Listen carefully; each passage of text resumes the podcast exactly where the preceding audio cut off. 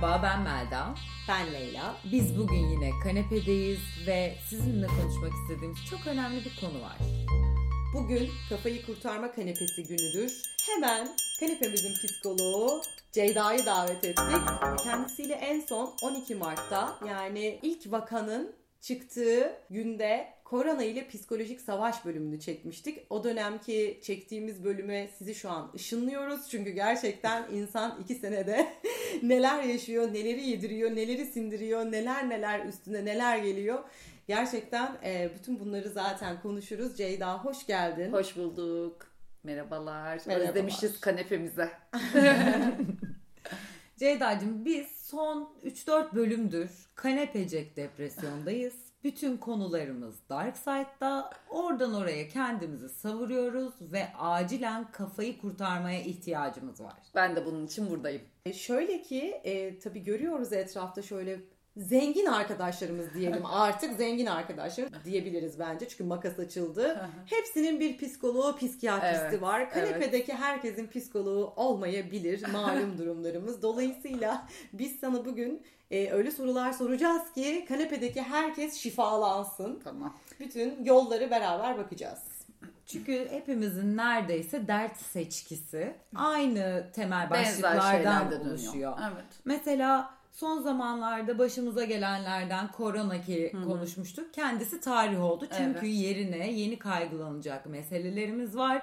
Bunların başını da ekonomik kriz çekiyor. Aynen öyle. Şimdi şöyle toplumsuz birey bireysiz toplum olmuyor. Dolayısıyla aslında biz psikolojiden bahsederken sürekli sosyolojiden de bahsetmek zorundayız. E, Türkiye'ye baktığımızda zaten nasıl var olduğumuzu siz eminim geçtiğimiz kanepelerde sorgulayıp durdunuz. Evet. Bir şekilde var oluyoruz evet ama dediğin gibi artık korona çok gerilerde kaldı ne yazık ki. Biraz önce hatta aramızda konuştuk.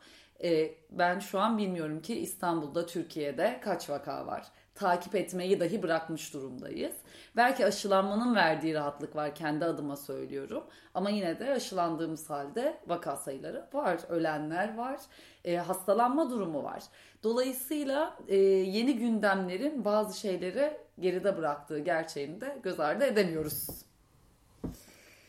Şimdi bu tabii e, her ne kadar yeni gündemlerimiz olsa da bu koronanın başlattığı Evet. kar topu diyelim. Evet. Gitgide çığ gibi büyüyen, üstümüze üstümüze gelen ciddi bir kar topu var.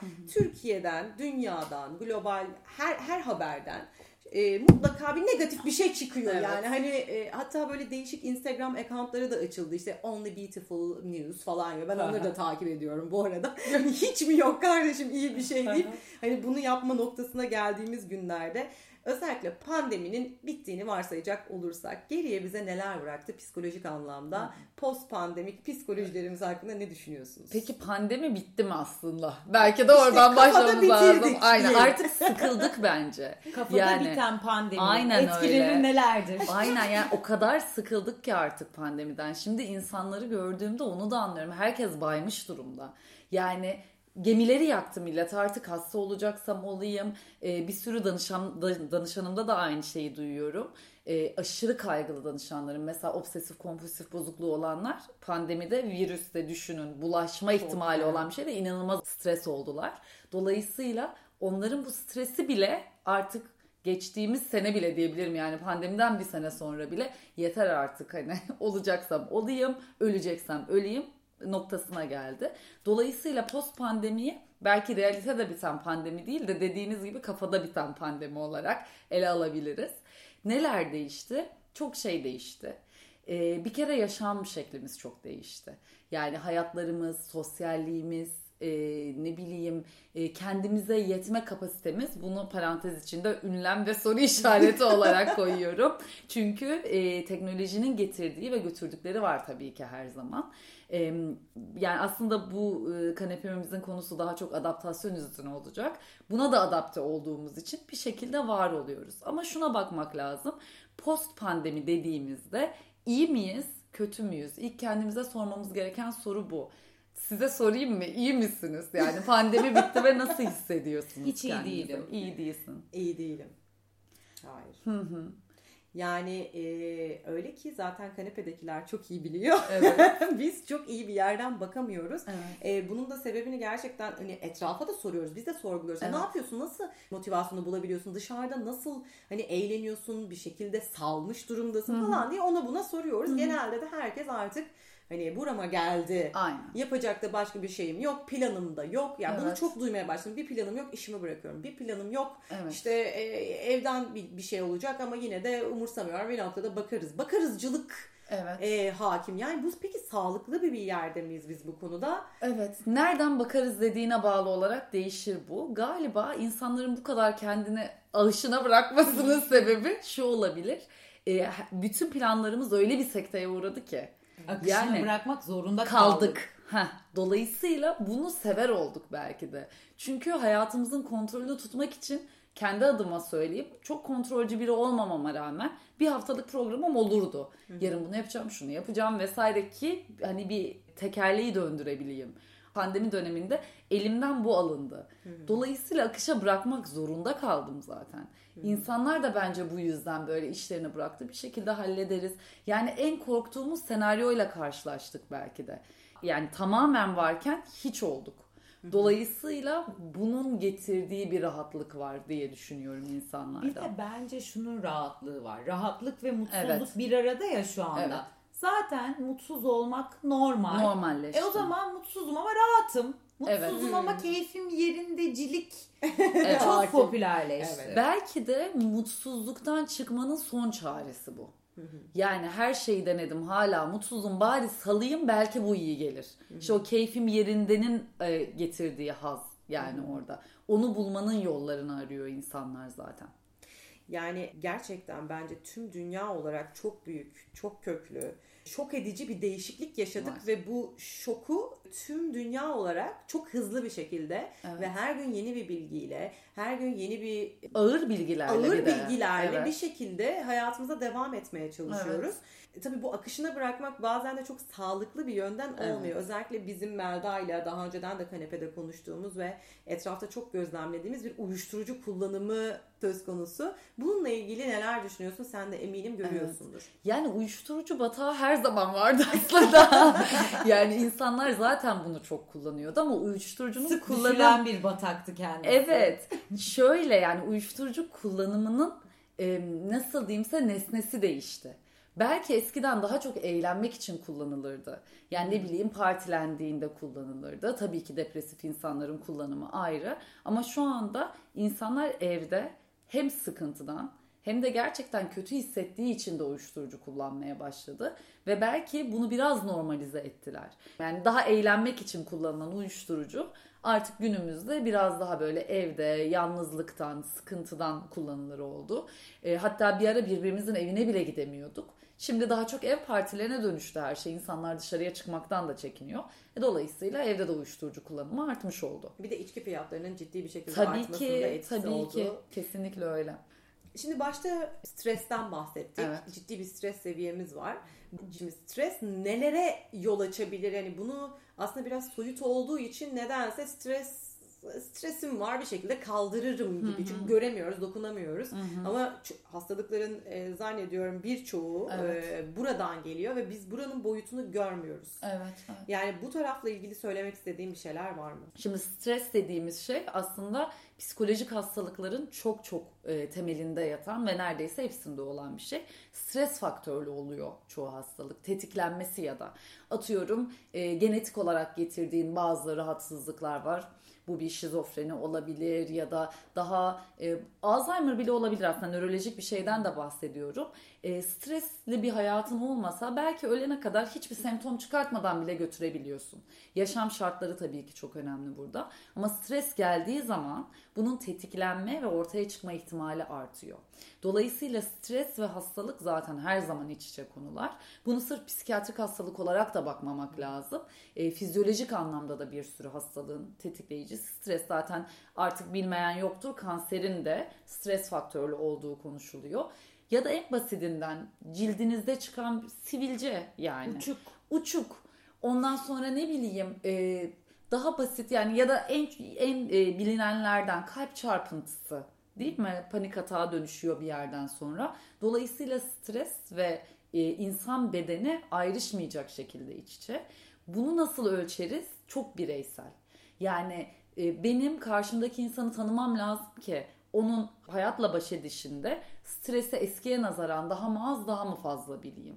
Yani böyle norm stres diye bir şey yok. O norm aslında bireyin kendi normu. Ee, bazı insanlar hep kaygılıdır, hep hareketlidir ama o onunla vardır ve onunla iyidir. Onu iyileştirmek diyeyim tırnak içinde ya da tedavi etmek diye bir şey yok. Bu çok anlamsız. O zaman herkese aynı insan yapalım yani. Böyle bir şey yok. Dolayısıyla stresin fazla ya da az olduğu kişinin bireysel tarihiyle, bireysel hikayesiyle anlamlanan bir şeye dönüşüyor. Yani herkesin stres kapasitesi dağına Farklı. göre kar veren Rabbim. Aynen öyle. Aynen öyle. Herkese oluyor. kaldırabileceği kadar stres Aynen. yüklemiş. Umarım kaldırabileceği kadardır. İşte kaldıramadığı yerde zaten bu bahsettiğim fizyolojik ya da psikiyatrik rahatsızlıklar ortaya çıkıyor. Ki bulunduğumuz dönem gerçekten bunun için inanılmaz. Yani İnanılmaz Bütün- elverişli bir zemin. İnanılmaz. Yani var olan bütün patolojilerimiz, genetik olan var olan bütün patolojilerimizin ortaya çıkma dönemi yani. Biraz fal bakar gibi oldum ama. Ama böyle. Aynen Hakikaten bu öyle oldu. de aynen Evet. bu sebeple de her yerde deliler, manyaklar aklını kaçırmışlar, kafayı yemişler ve bizler ve diğerleri Evet. hepimiz bir aradayız. Peki Şeyin biz bu olduğu. kafayı yeme noktasında kafayı yemişler ve yememişleri nasıl ayırt edebiliriz? Tamam şöyle söyleyeyim. Şimdi bizim bir olaya psikiyatrik anlamda hastalık diyebilmemiz için iki şeyimiz var. Bunlardan ilki sen işlevselliğini kaybediyor musun? Yani işine gidebiliyor musun? Sosyalleşebiliyor musun? O gün için yapman gereken görevleri yerine getiriyor musun? Bunları yapıyorsan müthiş bu cepte. İkincisi de şu. Normal duruma anormal tepki verenler biraz daha zorlanmış durumda anormal duruma normal tepki veren sen ve sen diyebiliriz. Aslında anormal durumda ne? Ekonomik kriz, covid vesaire. Aslında bunlara verdiğimiz kaygı, korku, belki buna dayanarak işten ayrılma. Bu bile normal bir tepki. Yani etraf anormal şu anda. Dolayısıyla buna yaşadığımız duygular anlamlı duygular. Yani buradan çıkmamak lazım. Bu fikirden çıkmamak lazım. Burada bir hastalık yok. Hastalık şurada mesela nasıl bir örnek vereyim? Yanımdan köpek geçti. Acaba beni ısırmış mıdır? Diyorsan burada normal bir duruma verdiğin anormal bir tepki var. Ama köpek seni ısırdığında tanımadığın bir köpek kuduz olmuş muyum dersen bu anormal bir tepki değil. Olabilecek bir şey. Dolayısıyla aslında genelde şu an dünyanın içinde olduğu durum anormal duruma verilen normal tepki. Ama anormalimiz o kadar anormal ki. O yüzden herkes ben kafayı mı yedim diyor. Aa, hiç kimse kafayı yemedi mi o zaman? Bunu bilmek bana çok iyi geldi şu anda. Üzgünüm hepimiz kafayı yedik. kafayı yemek normal diye Ceyda burada bize. Tam Böyle olarak olumlu öyle cümleler diyorum. söylüyor. Olumlu cümleler değil tam olarak bunu diyorum. Yani böyle bir durumda zorlanıyor olmamız çok normal. Ve herkesin farklı tepkiler veriyor, Veriyor olması, olması. da çok normal. Evet çünkü herkesin verdiği tepkiler biraz önce dediğim gibi hem stres faktörümüze hem genetik yatkınlığımıza hem de tabii ki içinde bulunduğumuz koşullara göre şekilleniyor. O zaman diğer bir deyişle de şu anda çok mutlu olanlar. Anormal durumlara anormal tepkiler verenler oluyor. mi yoksa çok mutluymuş gibi gösteren ama içten içe acaba mutsuz olan insanlar mı? Çünkü bir de psikolojide karşıt tepki oluşturmak diye bir şey var. Bazen kişi o kadar baş edemiyor ki mutsuzluğuyla ya da o kötü hisleriyle bedeninde barındıramıyor ve tam tersi tepki veriyor. Çok eğleniyor, çok geziyor, çok mutlu oluyor ya da bunları gösteriyor. İşte sosyal medya zaten bunun en güzel aracı gösteriyor olmak için. Bizler de bakıyoruz, aa ben mi delirdim ya herkes ne güzel hayatına devam ediyor diyoruz. İşte bu soru bizim kanepemizden de çok sorulan, bizim de sorduğumuz, bizi dinleyenlerin de sorduğu bir şey. Bizde mi bir gariplik var? Instagram'a bakıyoruz. Herkes aşırı eğleniyor. Biz kanepelerimizi bu şekilde hissetmiyoruz. Bu insanlar hiç mi haber okumuyor kardeşim? Evet işte muhtemelen e, böyle ya hiç haber okumayarak baş ediyorlar ya da okuyup tersi gibi. Bu da bir savunma mekanizması. Burada da şunu söyleyeceğim. Bu da bir savunma mekanizması ve bu da iyileştirici. Yani adı üstünde savunma mekanizması. O kişiler bunu yapamazsa dağılır. Bizim ondan belki bu kadar etkilenmiyor olmamız lazım. Yani herkes kendiyle ilgilense aslında daha kolay olacak. Yani evet. işinize bakın dedi. Filan. Biraz öyle oldu. Aynen öyle. Ya o niye mutlu ben niye mutsuzum o karşılaştırma belki doğduğumuz andan itibaren toplumun ve ebeveynlerimizin bize yüklediği şey oluyor değil mi? O senden daha yüksek not aldı. Sen kaç aldın o kaç aldı diye daha ilkokuldan başlayan artık günümüzde anaokulundan başlayan şeyler. Biz zaten karşılaştırarak kendimizi değerlendirmeyi ne yazık ki öğrendik. E, dolayısıyla sosyal medyadan o yüzden bu kadar etkileniyoruz.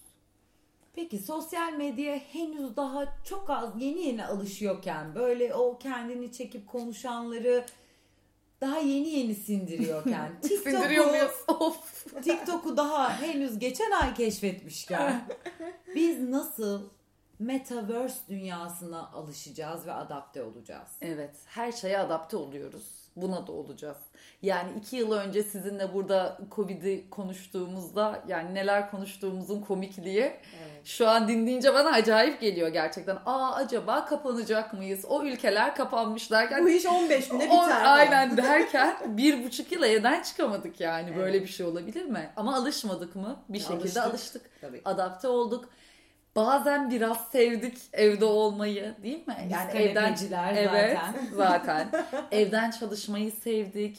Ee, yani her şey adapte olunduğu gibi buna da olunacak. Su aktı yolunu buldu. Buldu mu yine bütün sorularınızı mu diye bitiriyorum bu şeyde Ceyda mu olarak. Ama e, yani muhtemelen buna da alışılacak. Çünkü ilk zamanlar çok garip gelen şeylere alışıyoruz. Yani geçtiğimiz zamanları düşünün. Şimdi yaşımız ortaya çıkacak biraz yaşlı hissedeceğim kendimi ama ben üniversitedeyken bile sosyal medya yoktu. Tabii. iPhone yoktu üniversitedeyken. Ondan sonra çıkmaya başladı ve o zaman bugünleri düşünsem çok garip gelirdi mesela Instagram, Facebook zaten öldü bile ama Facebook yani bütün bunlar TikTok falan baktığımızda garip gelirdi. Yeni nesil buna doğduğu için onlara çok normal geliyor. E şimdi bu yeni gelecek olan şeyler de yeni nesile normal gelecek. Yani biz yine Biz boomerlığımızla köşede mi boomerlığımızla olacağız? aynen öyle yani biz alışmaya çalışıyoruz sürekli yeni bir şeylere. Yeni doğanlar için yeni şey değil yani var olan bir şey zaten. Ya bu zaten jenerasyonlar arası iletişim, e, birbirimizi algılama kapasitesi bu gelişmedikçe bence çatışmalar devam edecek. Tabii. Çünkü mesela şu andan baktığımızda hani YouTube'la büyüyen bir Evet. dünya var. Üniversite artık gerekli mi, olacak mı? Öğrenme bambaşka bir noktaya geldi. Şimdi biz Tabii. onları algılayabilecek miyiz? İş hayatında jenerasyon kırılımlarında zaten ciddi problemler görüyoruz. Aman onlar ne yapıyor ki? Onlar zaten falan. Hani böyle bir hep herkes Evet. bir birbirine üstenci, bir aşağılayıcı, hani bir karşıdaki jenerasyonu kabul, Kabul etmeyen. etmeyen, yani bu takım insanlar dolu e, etraf. Bu arada karşılıklı bu. Yani Tabii, tabii, küçükler büyüğü, karşılıklı. büyükler küçüğü etmiyor. Tabii tabii. Ya bazen bunun içerisinde ben de kendimi bir şekilde hani Evet. onun içerisinde düşmüş görüyorum ki her ne kadar bunun üzerine çok okusam da anlamaya çalışsam da ve buna gerçekten hani radarlarım açık olsa bile ben bile bunun içerisinde kendimi zaman zaman işte millennials kız kardeşime aman bu da falan derken bir an yakalayıveriyorum Bir mesela. şey söyleyeceğim bu çok normal çünkü bu gerçek. Gerçek değil mi? Gerçek. O yüzden bunu böyle görüyor, yorumluyor ve algılıyor olman kadar anlaşılabilir bir şey yok. Ben de benzer şeyleri düşünüyorum. Bu jenerasyon farkı eskiden böyle arasında 10 yaş olan insanlar Hmm. arasında olan bir şeydi. Şimdi böyle 2-3 yaş bile gerçek Evet. bir jenerasyon farkına sebep oluyor. Bu durumda da zaten jenerasyon olarak geride kalanlar gün geçtikçe daha da geride kalmaya başlıyor. Evet. Geçen bölümümüzde Deniz'in de dediği gibi biz eski insanlar bazı şeyleri anlamıyoruz. Gerçekten öyle ve e, bilmiyorum siz öyle diyor muydunuz da hep şey diye düşünüyordum. Benim çocuğumla aramda hiç fark olmayacak. Ben onu anlayacağım, ihtiyaçlarını anlayacağım derken dediğin gibi şu an 3-5 yaş küçükler bile inanılmaz farklı geliyor yani. Ama herkesi anlıyoruz çok şükür. Şimdi de- Bu aradaki makas açılmasıyla ilgili de mesela benim bir endişem var. İleride çok garip şeyler icat olacak. Evet. Ve anneannemin şu anda cep telefonunu kullanamaz Evet. ki çaresizliğini bir gün ben de yaşayacağım diye bir korkum var. Yaşayacak mısın? Çünkü anneannen bir yandan hiçten vara gitti ya yani hiç bir teknoloji yokken ellerinde. Zeki bir Müren anda de bizi çok oldu. görecek mi den? Aynen öyle. Şimdi biz var olan teknolojinin gelişmesine şahit oluyoruz. Yani bizde biraz daha merdiven durumu var. Belki çok da gerilerde kalmayız gibi bilmiyorum. İki Ya- yıl sonra dinleyelim bu podcast'i. Nerelerde kalmışız. Evet. Ben sırf bu kaygımdan dolayı e, girip böyle YouTube'dan yeni böyle insanların kullandığı programları izliyorum falan. Ha. Ne yapıyorlar, ne oluyor, nasıl bu, buna ne işe yarıyor falan. Çünkü Evet. bunu anlama ihtiyacı hani zihnimin Önemli bir şey bu evet. ciddi bir şekilde var. Yani ne oluyor ben geride kalacağım falan filan derken gün içerisinde işimizi gücümüzü yaparken her haberi bilmeliyim. Aa. Her e, teknolojik gelişmeden haberimiz olsun. Aslında Melda da sen de böyle birisin. Ve hani bizim teknolojik gelişmeleri takip birbirimize falan söylüyoruz. Hatta mesela ilk Metaverse çıktığında bölüştük. İşte sen şu videoları izle ben bu videoları izleyeyim böyle sonra konuşalım mesela. Hı hı. Çünkü bunu yapmadığın zaman gerçekten bir noktada konuşulanları anlamayacak seviyelere geliyoruz. Bir de tabii ki de işimizi mi kaybedeceğiz? Hayat Evet. nereye doğru dönüşecek? Hani kaygı üstüne kaygı, kaygı üstüne kaygı. Evet. Böyle bir durumlarımız var. Evet. Bu gelişime işte e, adapte olmak yani aslında belki bu konuşmada adaptenin altını çizeceğim hep. E, yeni gelişmelere adapte oldukça bütün kaygılar ortadan kalkacak zaten. Ve bir şekilde adapte olunuyor yani. E, bilmiyorum geçmişten bugüne baktığımızda hiç yapamayacağım dediğiniz bazı şeyleri muhakkak yapmışsınızdır adapte olarak. Yani ilk başta göze çok korkutucu geliyor bir şeyler ama yavaş yavaş öğreniliyor. Yani denize girmeden yüzme öğrenilmez gibi bir şey var ya. Hakikaten biz de bu teknolojinin içine girdikçe adapte olarak her şeye hakim oluyor olacağız bir noktada. E, bu adaptasyonla ilgili ben de çok düşündüm ve hani aklımda şöyle bir soru işareti kaldı. Biz evet adapte oluyoruz insanlık olarak ama bazılarımız da sadece ayak uyduruyor. Bunun ikisinin arasında ciddi bir fark Tabii. olduğunu düşünüyorum. Çünkü biz bazen ayak uyduruyoruz ama adapte olduğumuzu zannediyoruz. Evet. Biz koronanın içerisinde bir şekilde ev hapsi geliyor, bir şeyler oluyor. Evet ben adapte oldum diyorum ama belki de sadece ayak uyduruyorum. Belki de bunu hani bir şekilde bünyem Mış gibi yapıyorsun evet yani. almıyor, içselleştiremiyorum Evet. e, gibi gibi durumlar var. Yani yaşadığımız gerçeklikle bizim düşüncelerimizin uymadığı şeyler olabiliyor. Gibi Zaten görüyorum. işte onu diyorum ya zaten şu an dünyanın içinde olan çoğu şey bununla ilgili. Buna bir sürü şey katabiliriz. Üst üste dediğin gibi güzel haber yok. Yani sadece ekonomik kriz insanın insana yaptığından da bahsetmiyorum. Doğanın yaptığı da korkunç şeyler oluyor. Yangınları ne kadar etkilenmiştik o dönemde. Belki aklımıza bile gelmedi bugün. Şimdiye kadar Biz yani. başımıza gelen felaketleri sayarken mesela yangınları saymadık. Heh, Halbuki aynen bizim öyle. psikolojilerimiz oradan koptu mesela. ben çok net hatırlıyorum. İnanılmaz etkileyiciydi. Gerçekten kabus gibiydi. Ee, demek istediğim o yani. Evet mış gibi yapıyoruz bir yerde ama biraz önce dedim ya savunma mekanizmalarının da iyileştirici bir yanı var. O mış gibiler de belki içselleştirmemiz için zaman kazandırıyor bize. O yüzden aslında vücudumuza, benliğimize çok yabancı olmadıkça bu mış gibiler sıkıntı değil.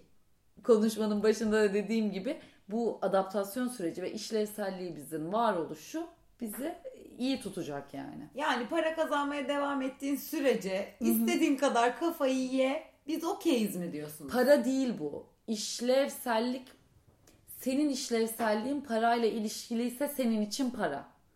Başkası için sosyallikse onun için sosyallik. Anlatabildim mi? Sana ne iyi geliyorsa onu sürdürebiliyor olmak.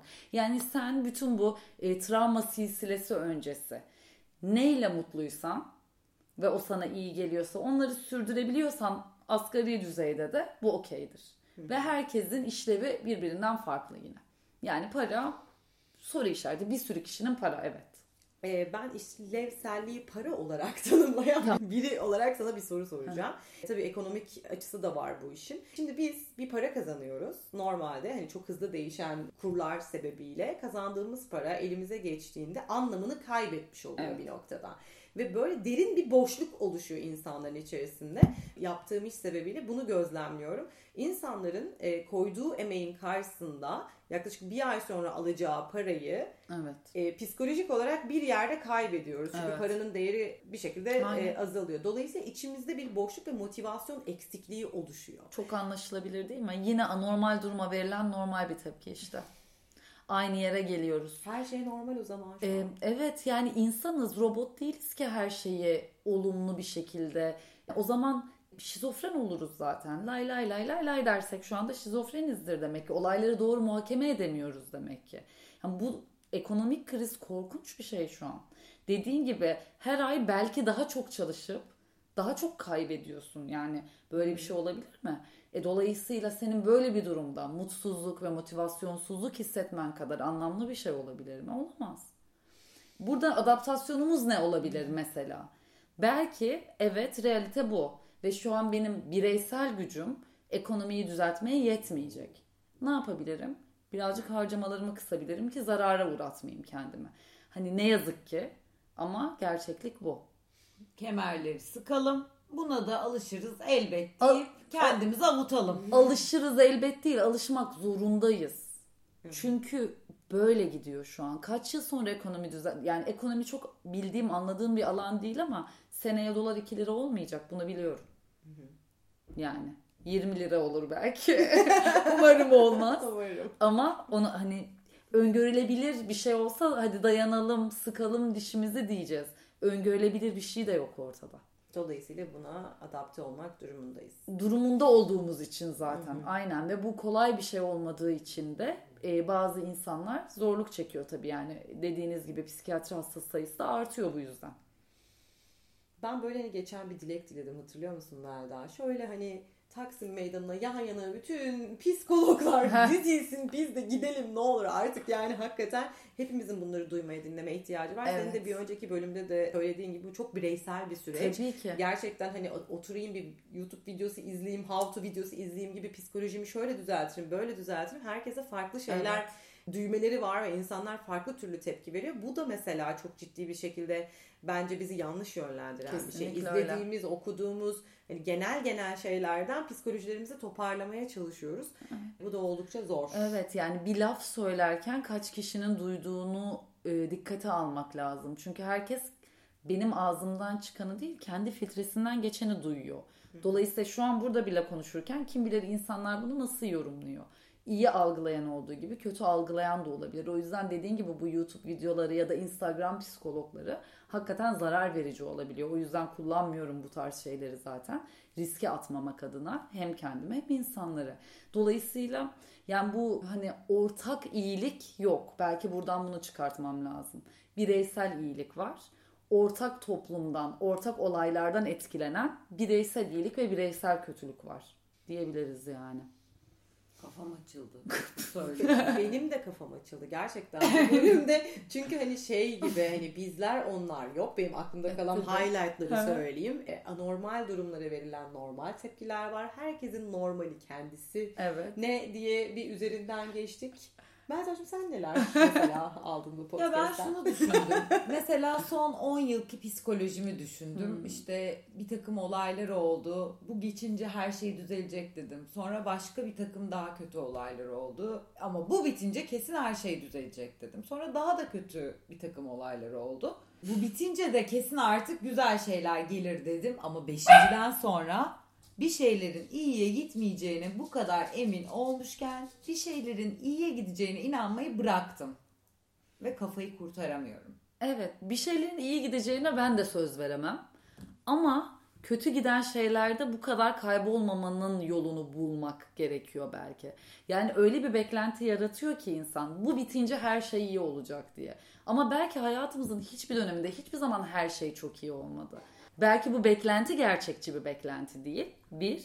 İkisi her şeyin iyi olduğu dediğimiz ne? İyilikten anladığımız ne?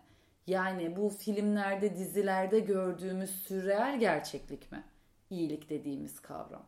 Yani onun üstünde durmak lazım. Sana göre ya da işte şu an dinleyen herhangi birine göre iyi ne? Kötü ne? Belki onları e, ilk etapta böyle bir ayrıştırmak gerekiyor diye düşünüyorum. Bilmiyorum cevap oldu mu dediğine. Oldu. Tabii ki oldu. Sen bir şeyler söyleyince biz de bir böyle bir... Bir uzaklara Ben de o yüzden yanlış bir şey mi diyorum diyorum. Şu an terapide gibiyiz. Çok hızlı cevap veremiyoruz. Ben mesela bu son dipsiz kuyulara düşüşümün ardından bir iyilik haline geldim. Yeter artık bu kadar da dedim olamaz. Daha fazla buna tahammül edemeyeceğim. Hayatıma bazı rutinler eklemeliyim. Her sabah uyandığımda köpeğim Barbara ile parka gideceğim. Tamam. Uzun yürüyüşler yapacağım. Sonra evime dönerken bir kahvemi alacağım. En sevdiğim yerden bir poğaçamı alacağım. Evime gelip bilgisayarın başına öyle oturacağım. Mesela bu bende inanılmaz çalıştı. Bunun adı ne biliyor musun? İşlevsellik. Anlatabildim mi? Bu işte o paraya bağlı olmayan şey. Seni iyi tutan gündelik rutinler. E, İlla ki herkesin iyi hissetmek için yoga yapmasına gerek yok. Yani herkesin iyisi yine kendine aynı yere geldik. Ama işlevsellik tam olarak bu. Yani sen evde kanependen kalkmasan, bütün gün yorganın altında takılsan, Netflix izlesen bile demiyorum. Çünkü belki Netflix izlemek de iyi geliyordur. Yani dizi izlemek, film izlemek, YouTube izlemek aynı şekilde boş iş yapmak değil ki. Bazen bu arada boş iş yapmak da işlevli. Yani sana iyi gelen neyse o yani normal e, dediğimiz şey ya da ortak iyilik değil. Bana çok yanlış gelen bir şey sana çok iyi geliyor olabilir. Yani o bireyselcilikten çıkmamak gerekiyor özetle. İşte bu işlevsellik senin bu dönemdeki çıkış noktan olmuş yani. Ama ne de güzel evet. olmuş. Ee, yani bize artık gerçekten şu kuyular fazla geldi ve eh, Evet. neyse ne B noktasına Evet. geçtiğimiz bir süreçteyiz aslında biz de. Evet. Ve e, gerçekten bu rutinlerin aynı şekilde bana da çok etkisi Evet. oldu. E, bazı şeyleri hayatımıza sokarken böyle minik minik sokmamız gerektiğine inanıyorum. Hani ben tabii ki de gönül ister ki şöyle 2020 Ocak'taki gibi e, planlarımız olsun, arka arkaya hı. programlarımız olsun, böyle bir enerji seviyesi olsun. Birazcık da şu anda evet benim şu an bu kadar bir enerji Hı hı. seviyem ya da bu kadar sosyalleşme artık Evet. tahammülüm yok. Çünkü ben de iki sene geçirdim. Evet. Belki ben de geliştim, büyüdüm, değiştim. Hani Tabii bunları ki. da e, böyle bir bakmak lazım. Çünkü hani acaba bende mi sorun neden ben hiç işte eskisi gibi hissetmiyorum. Evet üzerinden iki sene geçti. Tabii Arkadaşlar, tabii ki. olabilir. ben daha geçen hafta sonu yok ulan ben gece dışarı çıkmayı sevmiyorum. Bana boş ve anlamsız geliyor dedim ve Evet, rahatladım. evet. Kendimi ne İtiraf kadar ettim. uzun zamandır gece çıktığımda eğlenmediğim için kötü hissediyorum Evet. anlatamam ya niye Evet. kötü ben sevmiyorum. Evet.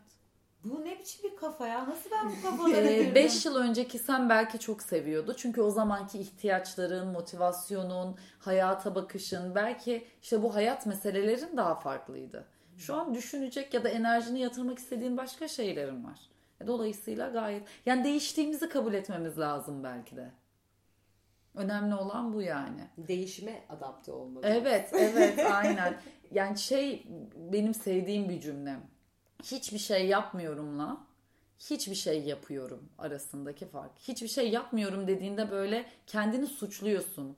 Daha depresif hissediyorsun ama yani bugün hiçbir şey yapıyorum ve bunu istiyorum dediğinde arada uçurum var. Aynı şeyi yapıyorsun aslında. Bu çok hoşuma gitti. Ben, Değil mi? sana böyle bir mesaj kesinlikle atacağım. ne yapıyorsun? Ya, Hiçbir, hiçbir şey, yapıyorum. yapıyorsun. Evet. O ve hiçbir zaman- şey yapmama hakkımız da var arkadaşlar. Ya her gün verimli mi olacağız? Her gün üretici mi olacağız? Niye?